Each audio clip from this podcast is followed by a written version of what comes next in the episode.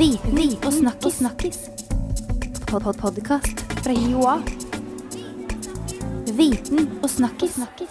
Velkommen til en ny episode av podkasten Viten pluss snakkes. Jeg heter Halvard Lavoll, og du hører på en eh, forskningsformidlingspodkast fra Oslo OsloMet. Og veit du egentlig på eh, hva som skjer i klasserommet sånn uh, i det daglige? Det skal vi finne litt mer ut i dag, for vi har med oss to skoleforskere uh, i studio. Velkommen Emilie Andersson Bakken og Cecilie Dalland. Tusen Uh, og siden du, uh, Emilie, er ny her, fortell meg litt, hva er det du eh, forsker på? Eh, Jeg har forsket på læreres bruk av spørsmål i klasserommet. eh, Og sett på hvordan de stiller spørsmålene i ulike fag, og f.eks. om de er åpne og lukka. eh, Og hvilken eh, funksjon de har i konteksten de stilles. Mm. Mm. Det, det er jo et sånn snevert tema å bare se på spørsmålsstilling. Hvordan ble du interessert i et sånt tema? Eh, Det begynte jo med, jeg skrev liksom en prosjektsøknad om en ph.d.-stilling, og da ville jeg se på lærerens dialog i klasserommet, eller hvordan de fikk elevene i dialog. Eh, men det blir veldig filosofisk og høysvevende, så da gjelder det å liksom få det ned til noe konkret, Og da blir det lærerspørsmål, og egentlig også hvordan de responderar igjen på elevenes svar. Mm. Så det, men responsene ble litt borte underveis. Det ble liksom spørsmålene som ble det store. Du har sett spesielt på noe som heter sjølregulering. Mm. Det må du nesten forklare litt. Nei, den interessen startet egentlig fordi jeg som lærer ble på en måte egentlig litt presset til å bruke arbeidsplaner. Jeg hadde syvende klasse fordi de skulle bli vant med den arbeidsformen til de kom til ungdomsskolen. De skiftet skole da de skulle på ungdomsskolen. Eh, og så ble jeg involvert i et prosjekt eh, i etterkant. da, altså Prosjektet hadde samlet inn dataene, så vi drev og så på dataene de hadde samlet inn. Og det var videoobservasjon fra klasserommet, altså videofilmer fra klasserommet som var samlet inn av Kirsti Klette og hennes medarbeidere. Og da så Emilia på spørsmål, mens jeg så på Og da brukte alle skolene, eller alle klasserommene, arbeidsplaner. Så, Det så ble- dere satt oss opp i de samme videoene her, men Ja, ja. Undersøkte fors forskjellige ting? forskjellig vinkling da, Mm. på, på interesse. Og da så jeg hvordan arbeidsplanene ble brukt. Jeg så på noe Egentlig så brukte jeg samme materiale i mastergraden òg. Jeg så på læringsmålene på arbeidsplanene. Og så ble det videreført på hvordan de bruker arbeidsplanene i klasserommet i denne doktorgraden. Og det går på at de får jo en arbeidsplan utlevert, gjerne en mandag, og så varer den to til tre uker. Og det du ikke får på skolen, det må du gjøre hjemme. Og så er det litt sånn at du er ansvarlig for egen læring. Altså Du skal sette i gang selv, og så skal du jobbe selvstendig med oppgavene. Og så var det hva, hva skjer, hvordan hvilken strategi bruker de på disse arbeidsplanene? Når starter de, ikke sant? og hvordan jobber de med de? Og det er det, Der kommer selvreguleringa inn. Eh, det å kunne jobbe selvstendig over lengre perioder, ta valg på hva du skal jobbe med, hvilke fag skal du starte med, og hvilke, ikke sant? hvilket nivå. Det er gjerne delt da, i nivåer for å få en tilpassa opplæring. Så det, alt det kom inn under den selvregulerte terminologien. da. Er sjølregulering det samme som med disiplin? Du må ha disiplin for å jobbe selvregulert, i hvert fall. Eh, sånn at eh, det, vi, det jeg så, var jo og, Ole Kristian Bergem, som hadde på en måte sett på noe av det samme, eh, eh, så jo at de brukte tre strategier. Eh, og det var det at når de fikk disse arbeidsplanene, så noen begynte å jobbe med det med en gang, og ble ferdig i løpet av noen dager. Andre utsatte arbeidet sitt til de siste dagene. De visste liksom når de måtte starte å jobbe eh, med arbeidsplan for å bli ferdig til på en måte innleveringsfrist. Og så var det de som spredde oppgavene utover. Og hele problemet med det å på en måte bli ferdig fort eller starte sent, er jo at du bruker mye av tiden på skolen til ingenting. Og læreren hadde ingen sånne Hva skal du si, ja? Altså, ja, men jeg blir ferdig. Ja, men du må jobbe De hadde ingen sånne strategier for å kunne hanke inn elevene. Så det var snakk om hvordan skal du jobbe med dette i et system hvor det er struktur og en måte, regler, slik at skoletiden blir brukt til faglig arbeid. Ehm, og så er det det at du er ikke egentlig selvregulert hvis du på en måte bare skal gjøre ting fort ferdig. For det å være selvregulert går også på det å ha lyst til å lære videre og videreutvikle seg og alt det, og det må vi lære elevene. Og det fikk de ikke noe opplæring i.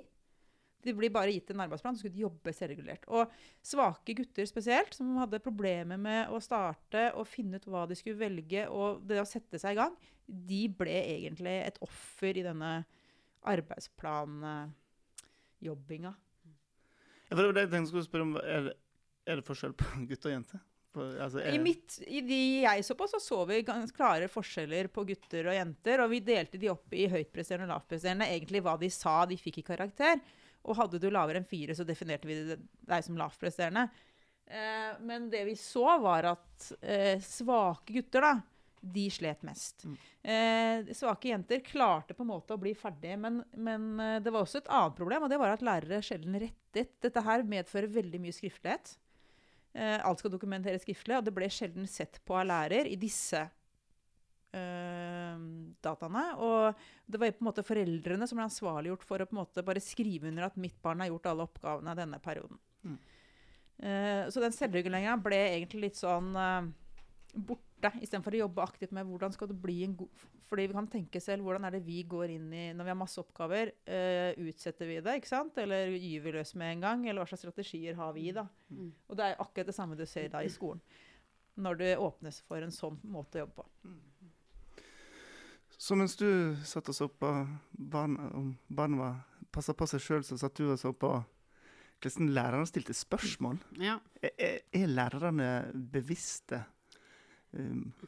måten de stiller spørsmål? Det er jo vanskelig for meg å si, eftersom jeg bare har sett eh, på video, så jeg vet jo egentlig ikke om de er bevisst rundt om hvordan de stiller spørsmålene eller ikke. Eh, Men det jeg tror alle kan ha nytte av, er å bli mer bevisst på hvilke spørsmål vi stiller. Og jeg tenker, nå har jeg forsket på spørsmål i snart seks år, og jeg går fortsatt inn i barnehagen iblant og spør Signesson skal vi gå hjem? Og det er jo kanskje det dummeste du kan gjøre, for det skal vi jo. Hun har ikke noe valg. Så det er noe med å hele tiden jobbe med, med det her og tenke på ok, om jeg stiller den type spørsmål, hva får jeg for svar? Er jeg åpen for alle svar? Er jeg ikke det? Altså hele tiden vurdere og tenke over det. Mm. Mm. Jeg regner med at i løpet av en eh, skoledag så blir det stilt ganske mye spørsmål i klasserommet. Ja, i, I den dataen jeg har, så kan man si at lærerne kanskje stiller spørsmål i noen timer, i hvert fall da nesten hverannenhver minutt kommer det et spørsmål. Ja. Eh, så det er utrolig mange spørsmål, ja. Mm. Men eh, gi meg noen eksempel på eh, ulike typer spørsmål eh, du har sett på. Altså, jeg, har sett på, jeg har kategorisert dem inn i åpne og lukkede. Og lukka betyr ju at de har et uh, specifikt svar at, som læreren vil ha opp fram til, Men åpne åpner opp for at elevene kan svare olika typer svar. Eh, men sen har vi også sett på funksjonene, uh, altså hvilken i hvilken kontekst blir det stilt, og hvilken funksjon får spørsmålet. Altså det kan være et lukka spørsmål, men det kan ha som funksjon å vekke førkunnskap, f.eks.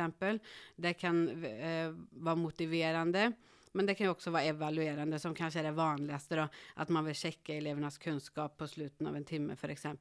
Så de kan jo ha veldig mange funksjoner, fast de har en bestemt form. Og det er vel det som jeg så at mye av forskningen før så nesten kun på det her med hvilken typer, om det var lukka eller åpne. Og da sa de ofte sånn at nei, det er de åpne spørsmålene vi vil ha, som vekker refleksjon og får elevene til å utfolde seg og liksom får en dialog i klasserommet. Men om man da faktisk ser på funksjonen det har i konteksten også, så ser man at det er mye mer nyansert enn så. Lukka spørsmål kan være vel så gode. Det kommer helt an på undervisningssituasjonen. Mm. Mm. Eh, har du også sett på eh, ulike aldersgrupper? Altså, eh, bruker du spørsmål ulikt mot de minste eller de Ja, eldre? nei, det har jeg faktisk ikke sett på, for det enda jeg har sett på er jo en niendeklass. eh, niende klass. Eh, så, men det hadde vært veldig interessant å se. Jeg tenkte også det her med elevdeltakelse. Hadde vært interessant å se, for vi ser jo i det her materialet at jo, elevene kommer med veldig få uttalanden og spørsmål. Det er jo stort sett læreren som står og prater i de her helklassesamtalene, og det skal sies at det er det jeg har sett på når læreren har en helklassesamtale. Eh, og ser da på elevdeltakelsen og lærerens spørsmål også i lavere trinn, for det kanskje åpner opp for mer. Jeg tror at det kanskje forsvinner litt under veien eh, når man kommer opp i høyere trinn. At det er mer kanskje elevdeltakelse og mer rom for den type refleksjoner i småskolen, men det har jeg ingen bevis for. Det er bare en tanke jeg har om hvordan man kunne sett på det her videre. Men, men er dette liksom en, en kultur? Altså, altså, er det, eller en tra- tradisjon er at sånn skal det være i klasserommet? Læreren skal spørre, og, og elevene skal svare? Altså, er det Altså, tradisjonelt sånn? tradisjonelt sett så har det vel vært sånn, men det, blitt, det har jo vært veldig mange ulike tradisjoner der. Og det vi har sett, er jo at den her eh, eh, klasseroms... eh, pedagogikken har ju blivit mer større större i senare år och kanske gått en överdrift åt det hållet igen då, att eleverna ska sitta och jobba självständigt stora delar av dagen. Eh, Så det är ju någonting med att finna en balans där. Det är klart att vi må ju ha både att eleverna ska jobba självständigt och få till en dialog i klassrummet, men så må ju läraren nödvändigtvis också stå och föreläsa och lära dem någonting på den måten òg. Mm. Så det er vel balansen som liksom må til der. Mm. Ja, og Dette med selvstendighet som er jo dere begge to inne på. Er, er den pendelen gått ut i litt sånn, eh, en, en sånn langt ut nå? At nå skal barna være veldig selvstendige og ansvar for egen læring og sånne ting? Eller? Ja, det har nok blitt det. fordi det vært? Det, det som skjer er at Når man forsker på klasserom og skole, både i Norge og Skandinavia og internasjonalt, og da tenker vi på sånne engelskspråklige land mest, kanskje, så ser vi at det var veldig sånn at alle gjorde det samme til samme tid. Eh, læreren sto og foreleste. Det var spørsmål-svar-frekvenser. Eh, sant? Hvor læreren stiller et spørsmål, og elevene svarer, og læreren evaluerer og stiller et nytt spørsmål til gjerne en ny elev. Eh, og så har det kommet forskning på det, og så har jo på en måte lærerne tatt det til seg, og skolen tatt det til Og så har de på en måte beveget seg over mot at å nei, vi må ha mer selvstendighet og individualiserte og oppgaver og tilpassa opplæring og sånn. Og så har det blitt en pendel som går kanskje mot at det blir veldig mye at de sitter All forskning viser, både i Sverige og Norge, at de sitter Er det to tredjedeler av tiden? Jeg husker ikke helt. Men, eller en tredjedel, altså to tredjedeler av tiden og jobber individuelt med arbeider. Og det er bra å jobbe individuelt og bearbeide stoffet, men du mister veldig mye sånn samarbeidsaspektet. Du mister det å ta del i en sånn felles diskusjon, hvordan andre tenker på noe. ikke sant? Alt det mister vi. Så nå må vi prøve å få pendelen litt tilbake igjen. Lærerne gjør bare det de tror er best, og jeg stiller Jeg kan masse, jeg har lest masse om spørsmålsstilling og hva som er lurt å stille av spørsmål. Jeg kommer inn i en forelesning og går rett i fella hver gang. Eh, og stiller teit Jeg tenker liksom, hva er det jeg holder på med? Jeg kan jo til og med stå og snakke om hvordan man bør stille spørsmål, og så stiller jeg jeg ikke gode spørsmål selv.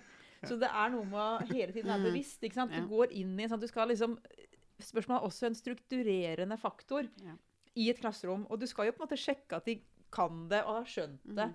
Så det er litt, Men jeg tror det er det at man eh, Sånn som Emilia sa, det å være bevisst. Og jeg sier heller ikke at nå er nok arbeidsplanpedagogikken gått litt tilbake igjen. Eh, Det er ikke så mange, no, men jeg vet at en del bruker det likevel, og det er gjerne eh, nivådelte. Men det å bruke arbeidsplaner bevisst, være bevisst alle disse strategiene som ligger rundt eh, bruken. Hvis du ikke har det, at vet du hva, i mattetimen så kan ikke du sitte og gjøre engelskoppgaver, fordi at eh, vi jobber med matte her. Eh, og da må, du jobbe, da må vi holde på med det som er temaet vårt. Du kan gjerne få mer utfordrende oppgaver, men du kan ikke drive og gjøre ting som da Du er ferdig med matten, så skal du gjøre andre fag i disse timene. Eller at de kan ikke sitte og ikke gjøre noe i timene. ikke sant? Og, da, og, og det tror jeg lærerne har tatt til seg, og jeg tror det er en helt annen eh, jobb. For dette her er jo data som ble samlet i 2005 vi har skrevet på. Og det, det skal jo også sies da at denne dataen datan fann ut at lærerne hadde en svag tilbakemeldingstradisjon. Så efter en del av det som er det vurdering for læring som har kommet nå, bygger på denne forskningen. Så hva skal vi gjøre for å liksom øke de gode tilbakemeldingene og fremovermeldingene? Så det er jo noe helt annet i dag vil jeg tro i hvert fall. Det ser vi jo at det har liksom kommet en endring der med hvordan man jobber for vurdering for læring i skolan. Det, er, det var jo ofte sånn vurdering av læring tidligere. ikke sant? At du vurderte altså Jeg gikk på skolen, jeg vet ikke hvordan det var når du gikk på skolen, men så hvis du hadde en karakter Det ikke sant? huskar jag inget av. Nei, men hvis du hadde, La oss si du hadde matte, da, og så fikk du en litt svak karakter til høsten. Så, men du kunne få en ganske god karakter til Mm. våren. Men så, allikevel så tok de på en måte og samla alle karakterene eh, du hadde fått, og så delte de på antall prøver du hadde hatt. Og så fikk du den karakteren som var en gjennomsnittskarakter. Mm. Mens nå er det jo mye mer at du du, får, altså du har en formativ vurdering. Det vil si at du, har en, du ligger på det nivået du Du skal jo få lov til å utvikle deg. Sånn at du får den Mm. karakteren du ligger på eh, når karakteren skal settes. Og det er mye mer fokus på å gi tilbakemeldinger, hva du kan bli god på, hva Mm. du mestrer. Ja. Og få en sånn, lære eleven til å få en sånn metakognitiv bevissthet da, om egen læring. Eh, så den, det har kommet mye mer inn. Ja, Og sammen med mål og kriterier. altså Nå vet jo elevene hva de blir vurdert etter. Før så var det mer at elevene skulle være i aktivitet. Det var ikke snakk om hva de skulle kunne når de gikk ut, men hva de skulle gjøre mer. Liksom. Ja. Mm. Har vi for høye forventninger til disse elevene her? Altså, Jobbe selvstendig, og skal vi stille spørsmål Burde ikke vi litt tilbake til å gi beskjed og ordre om at nå skal du gjøre sånn, og sånn skal du gjøre det, og ferdig snakka? Jeg tror de skal få lov til å, å Altså, jeg tror de skal få lov til å jobbe selvstendig og ta egne valg, men ikke, ikke i et så stort perspektiv at de skal på en måte forhandle Altså klare å regulere seg i tre uker eller to uker. Men at de kan få Altså, eller at man har eh, et, eh, et skoleår, så sier man OK, i disse to ukene skal vi jobbe med ja, La oss kalle det arbeidsplan, da. Eller prosjektarbeid, eller hva det er for noe. Men da må du ha regler og rammer. Du kan gi autonomi, altså selvbestemmelse, men du må ha det innenfor et system. Du kan ikke bare åpne opp. De må på en måte lære seg. Liksom, hvorfor har ikke du starta å jobbe nå? Nei, jeg klarer ikke velge Nei, men OK, hva kunne du tenke deg å starte? Altså begynne å hjelpe dem litt, og da må du ha tid til det.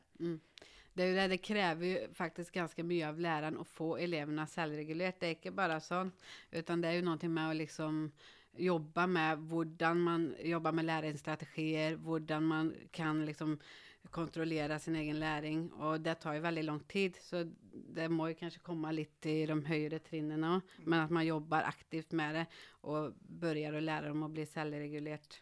Og det her med læringsstrategier er jo f.eks. veldig viktig der. Samtidig så så vi det at det, det var en del av disse her høytpresterende jentene eh, i dette arbeidsplanstudien som, som tok et bevisst valg på å gjøre ting fort ferdig. Men det betyr ikke at de er selvregulerte. De er bare innmari gode til å strukturere tida si og vite hva de skal starte med. Så egentlig så var det ikke så fryktelig mange av de som man kunne definere ut fra det vi så som selvregulerte. For det ligger en del momenter i det å være selvregulert som de ikke hadde, og som vi kanskje ikke kan forvente at de har. Det der med å ha lyst til å lære. Vi hadde to jenter som satt i klasserom. De hadde mikrofoner på seg, så de var noen sånn fokusgruppeelever. Og ble intervjua etterpå, etter opptak da, av disse forskerne. Ehm, og da var det Da sa de fra til læreren at vi er ferdig med alle matteoppgavene på arbeidsplanen. Og så sier mattelæreren Nei, men så flott! Da har jeg enda flere utfordrende oppgaver til dere. Kjempebra jobba. Så fint. Alt er riktig. Nå har jeg noen utfordrende oppgaver til dere. Vær så god. Og så sitter de og summer etterpå og sier de, enda flere matteoppgaver. Jeg skal aldri si fra til han at vi er ferdig med matteoppgaven på planen ever. ikke sant? For det, det takla de ikke. Da var de, det ble på en måte en straff, det å få da utfordrende matteoppgaver. Og da er vi inne i en sånn Det er om å gjøre å gjøre oppgavene ferdig. Bli ferdig med planen, mens læringen kanskje kommer i bakkant. da. Vi så også at eh, en del eh, eh, elever Det var en, i hvert fall én elev som spurte må jeg gjøre alle de matteoppgavene der. Jeg kan det jo. Og så måtte han gjøre, For at de oppgavene var på planen. Og matte er en sånn synder i sånn arbeidsplan, eh, i hvert fall på arbeidsplan, for at der er det ofte bare mange flere oppgaver. Hvis du er på et høyere nivå, ikke sant, den er delt inn i tre nivåer, så er det bare flere oppgaver, ikke andre typer oppgaver. Det tror jeg også lærerne er blitt mye flinkere til nå. At de gir andre typer oppgaver enn bare mengde. Jeg, jeg må alltid ta dette spørsmålet når jeg har skoleforskere med meg, for jeg gift med en lærer. Eh, og på vegne av lærerne så spør jeg da eh, hvordan skal disse lærerne i den hektiske hverdagen eh, deres F.eks. bli bedre til å stille spørsmål, altså mer bevisste der. Altså, hvordan tenker du at dette eh, skal få inn dine funn og dine Ja, resultat? Nei, jeg tenker vel det er jo det her å bruke kolleger til å hjelpe en f.eks. Altså at att man kan be en kollega komme inn og observere en. Altså hvilke typer sti spørsmål stiller jeg? Eh, syns du at det er hensiktsmessig i forhold til den timen jeg har? Eh, hvordan fungerer det for å få i gang elevene i dialog? Altså jeg tenker Man kan bruke kolleger til veldig mye. Eh, for det er jo noe med at vi stiller ofte spørsmål kanskje ubevisst. Eh, og så ser vi ikke helt kanskje selve effekten, eller det er i hvert fall kanskje vanskeligere å se det, men å få noen annen som har litt sånn utenfra-syn, kan jo hjelpe å komme inn og se litt nærmere på det, og sen diskutere det i kollegiet. Da, hvordan man stiller spørsmål. Og også det her med ventetid er jo en stor greie. Nå tror jeg veldig mange lærere har blitt bevisst på det, efter, eh, har jeg merket. Men, men før så var det sånn at en lærer ventet kanskje en-to sekunder på å få opp elevsvar. Og så ble de litt sånn, så skulle de, da tar man første beste som rekker opp hånden og, eh, og gir ordet til den. Men altså, de har jo sett da at om lærere venter fire-fem sekunder, så får man opp veldig mange flere hender i luften, og det leder også til veldig mange flere nyanserede svar fra elevene. Og så bruker de vel også mye læringspartner, altså sum med partneren ja, eller sum i gruppa. Lærere har fått veldig mange flere metoder Ja. for, for hvordan man kan få opp muntlighet i klasserommet. Mm.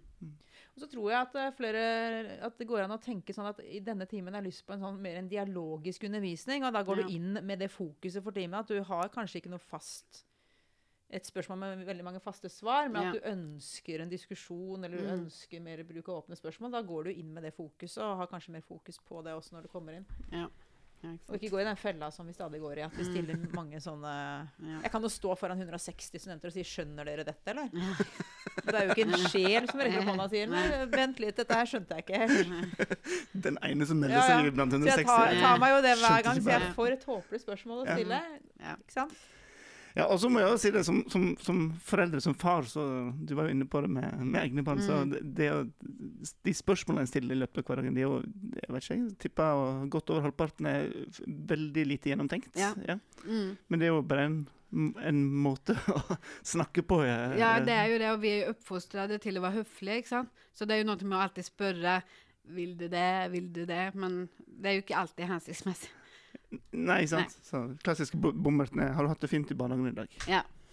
Ja. Og litt til det her med å være bevisst rundt spørsmål, så tenker jeg at lærerne bør tenke på hvordan de her spørsmålene kan f.eks. fremme læring. Altså hvordan kan man stelle på en måte spørsmål som faktisk er læringsfremmende. Og det jeg så på For jeg kobler jo ikke de her spørsmålene spesielt mye til elevers læring, egentlig. Jeg så jo mest på lærerne og hvordan de stilte spørsmålene. Men det jeg tenkte på i etterhånd, for jeg fikk jo det her spørsmålet til disputasen, og så må jeg begynne å tenke over det. Men det jeg tenker da er at spørsmål kan jo fremme læring gjennom at de på en måte får elevene til å reflektere over sin egen eh, læring og hva man kanskje har hatt i en annen time, f.eks. Eh, og så kan de jo også bruke seg å avdekke læring. da. Du kan jo bruke spørsmål for å finne ut av hva elevene faktisk kan fra der kanskje du hadde forrige timen, eller akkurat snakka om. Så de kan jo brukes og kobles til elevers læring, selv om det kan, kan være litt vanskelig i den direkte situasjonen. Men det er jo en sånn Du finner i hvert fall ut da, hvor elevene ligger gjennom å stille spørsmål. Mm. Mm. Mm. Så det er et godt redskap, men det kan bli brukt for mye. Og det er noe med å alltid sa- Sammen med alt Alt er en balans. Det handler alltid om en balans. Men, og det er jo vanskelig, men eh, men om man stiller færre og mer relevante spørsmål, så får man jo også opp elevenes stemme mer. Er det lurt å skrive ned spørsmålene i forkant for timen? Altså, Du har det på papir framfor deg, eller blir det unaturlig? Ja, i hvert fall kanskje noen spørsmål du Ja. har tenkt og reflektert over Mm. at disse har du lyst til å stille. Eh, og så ta de med deg, og så passe på at du i hvert fall stiller disse spørsmålene. Ja. For da er de kanskje mer eh, gjennomtenkte. Og du er kanskje tenkt på hva, hva er det jeg ønsker at, hva er det jeg ønsker med dette spørsmålet. Det gjør i hvert fall vi i forelesningen, for jeg har jo mange sånne summeoppgaver, og der har jeg formulert spørsmålene på forhånd, hva jeg vil at de skal liksom diskutere rundt. Uh, for det er jo Det kan være vanskelig å få til veldig gode reflekterende spørsmål sånn. Uh, da gjelder det at man tenker veldig over hvordan man eh, formulerer seg. Og jeg, Men og at, ja, som Cecilia sier, bare ha noen eksempler. da.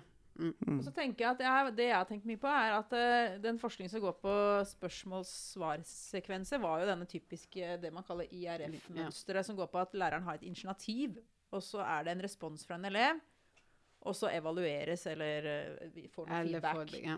eh, til dette. Og så snak- snakker man med en ny elev. Men hvis Mm. man klarer å stille et spørsmål, og så svarer en elev, og så svarer en annen elev, og så svarer en tredje elev, og så svarer en fjerde elev, eller så svarer eh, den samme eleven flere ganger, altså at man blir med en dialog mellom lærer og én elev, Mm. så har du brutt det der typiske mønsteret. For det mønsteret har også vært en sånn strategi for å holde rom, ro i klasserommet. Men Jeg har ikke stilt han bakerst i hjørnet der, han, han må jeg Mm. stille spørsmål. Og så er det hun nederst til venstre, og så må vi ha noe foran, ikke sant. Mm.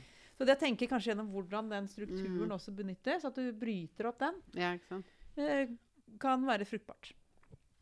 Ja, og det er jo stort sett også det med at mange lärare kanskje evaluerer det svaret de får. då, och og da ju mm. samtalen ganske brått. Antingen så har eleven sagt noe du mener är korrekt, eller ikke korrekt. Men som Cecilia sier, om du da ger en feedback stedet, ja, det var intressant. Varför tenker du at det er liksom det du kommer fram til der? Da får du på en måte en fortsättning på diskussionen og andre kanskje slenger seg på også om de er oeniga eller enige. Men ja. Emilie og Cecilie, eh, veldig interessant. Eh, tusen takk for at dere har lyst til å komme i podkasten og, forklare disse her tingene som skjer i, daglig, i klasserommet til daglig. Takk. Tusen takk for at vi fikk komme. Um, og så, kjære lytter, så kommer vi til å gjøre det som vi alltid gjør det. At uh, hvis du er interessert, videre interessert i dette temaet her, så kan du bare lese på blogghioa.no slash viten og snakke. Så lenker vi opp til det som dere har skrevet om temaet og andre, annen relatert litteratur, så kan du bli eh, grave deg djupt inn i eh, disse to eh, temaene der. Og så er det veldig kjekt om du har lyst til å abonnere på denne podkasten, for da får du faktisk neste episode direkte ned i podkastappen din. Da må du ha en videre god fredag. Viten og snakkes. Pod -pod Podkast fra Joa. Viten og snakkis.